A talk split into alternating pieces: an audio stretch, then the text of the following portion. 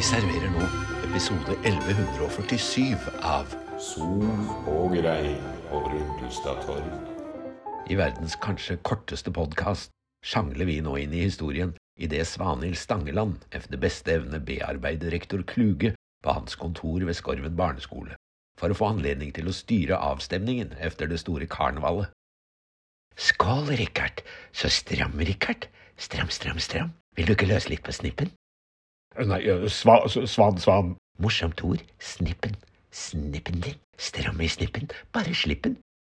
Dette mens de siste forberedelsene til Skorvelaget, den store høstfesten, gjøres i aulaen, og mens Julia Kvist ankommer skolen med et familieklenodium hun vil forære sin barndomsvenninne som en offergave, en strålende, sjenerøs gest, det store, gamle sølvfatet, nå så skinnende blankt som det bare kan bli om man pusser det med Incender X18.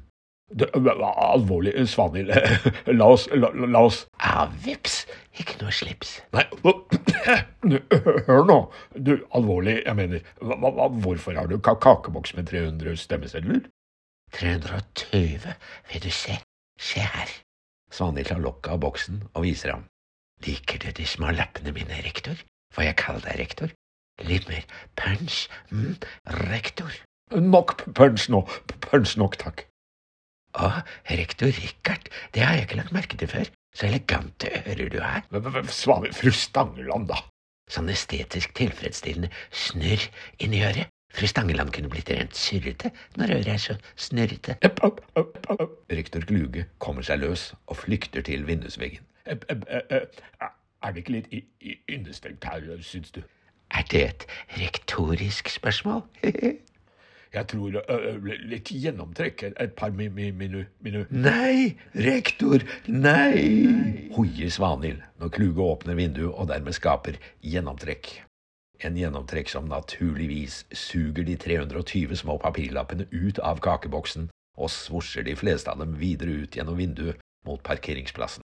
Fortvilet styrter Svanhild på dør, og vi får et lite plinkiky som indikerer at vi gjør et hopp fremover i tid men fortsatt følger Svanhild Stangeland. Altså Litt punch i lullen efter alkoholinntak og løping i trapper og korridorer strener Svanhild inn i aulaen og hekter med seg den lange, unge, lyse Kristine Tiklefjed, som nok ikke har aldeles oversikt over hva hun blir dratt med på nå. Men hva skjer, hvor skal vi, hva er klokken, hvor er bilen din? Hva, rett utenfor, bak gymsalen, det vil si Glenn Roberts sin, da, han kommer i taxi.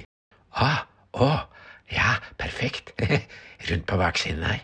Ja, men, men hva har du Jobber dere tett sammen, Glenn Roberts og du? Tett, tett, tett.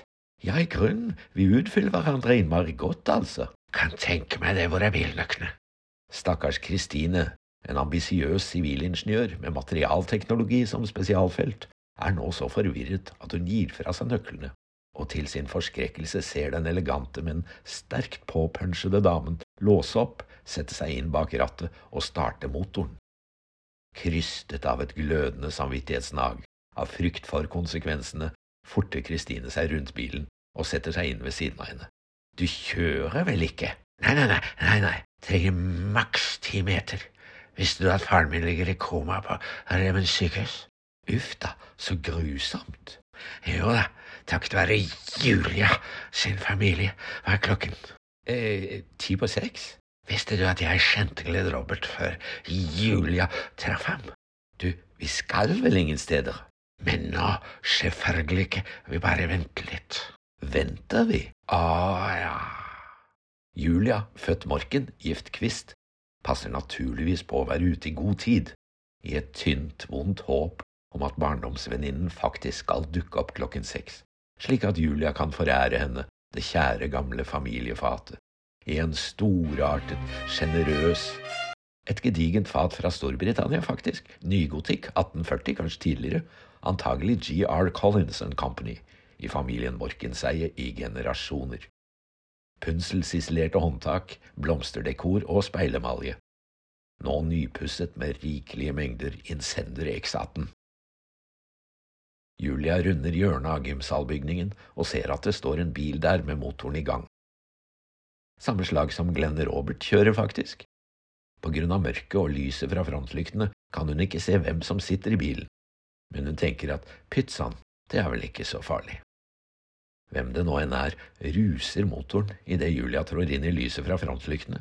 Litt irriterende, men hun konsentrerer seg om å pakke ut fatet fra papiret, så hun kan ha det klart når Svanhild kommer. Og Svanhild kommer. Det lyder plutselig et voldsomt brøl fra bilmotoren. Med en nærmest eksplosiv akselerasjon skyter bilen fremover. Julia skvetter og løfter instinktivt det store fatet opp foran seg. Resultatet er at bilen skjærer ut til siden, suser forbi Julia og braker inn i den treetasjes gymsalbygningens relativt solide murvegg. Motoren hoster og stanser. Men, men er det du, Glenn Robert? Glenn Robert? Julia nærmer seg forsiktig, med pulsen dundrende i kroppen.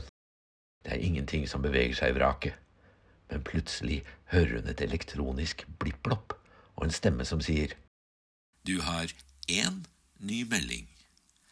Å, du har blitt så motbydelig. Å, du har blitt så motbydelig. Å, du har blitt så motbydelig. Ved midnatt samme kveld står doktor Konrad Skreiner Bykler og doktor Barbara Lunde i korridoren på post 9 ved Remmen sykehus. De har akkurat sett fru Stangeland trille forbi efter første runde i operasjonssalen. Affisj for en fot, sier Lunde. Motbydelig, svarer Skreine Bykler. Men hun andre, hun fikk tydeligvis bare en forstuet finger. Ja, sier Skreine Bykler. He, de ble blendet, sa hun visst. Blendet av et voldsomt lysglimt, visstnok. Aldri opplevd maken, sa hun. Som å få øynene gjennomboret med spyd av speilsølv, tror jeg hun kalte det. Opptatt av materialer, damen. Så skarpt at det nesten var overnaturlig, hørte jeg hun sa til Heier. Ja, særlig. Det neste blir vel at han våkner, han grønnsaken din der inne. Stillehavsfeberen? Ja, det, det ville vært julenissemedisin, det. Doktor Lunde og doktor Skreine Bykler forsvinner nedover korridoren. Men du, kjære lytter, forflytter deg slik bare du kan, på en usynlig, magisk lydbølge, tvers igjennom døren, inn på rommet til den pasienten som ligger der. Og ikke nok med det, der reiser du videre innover, til innsiden av det hodet som nå ligger så fortvilet og forlatt, på en pute med et putetrekk merket RKS Remmen sykehus. Bæ-bæ, og hva? Filmstjerne? Hva, hva, hva? Julia? Bæ-bæ, bæ-bæ, hva, hva? Hva, hva, hva? Movie star? My mother, er da ikke noen filmstjerne, hva? Å nei, hjelp, Julia, de kommer, nå kommer de igjen. Hva, hva, hva? Bæ-bæ, bæ-bæ,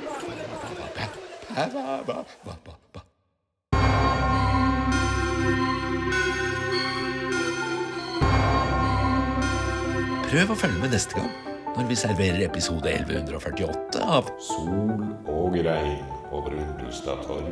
Et drama av Kolbein Plue. Musikk Et oldebarn av Nordrock. Produsent Mimmi Falsen.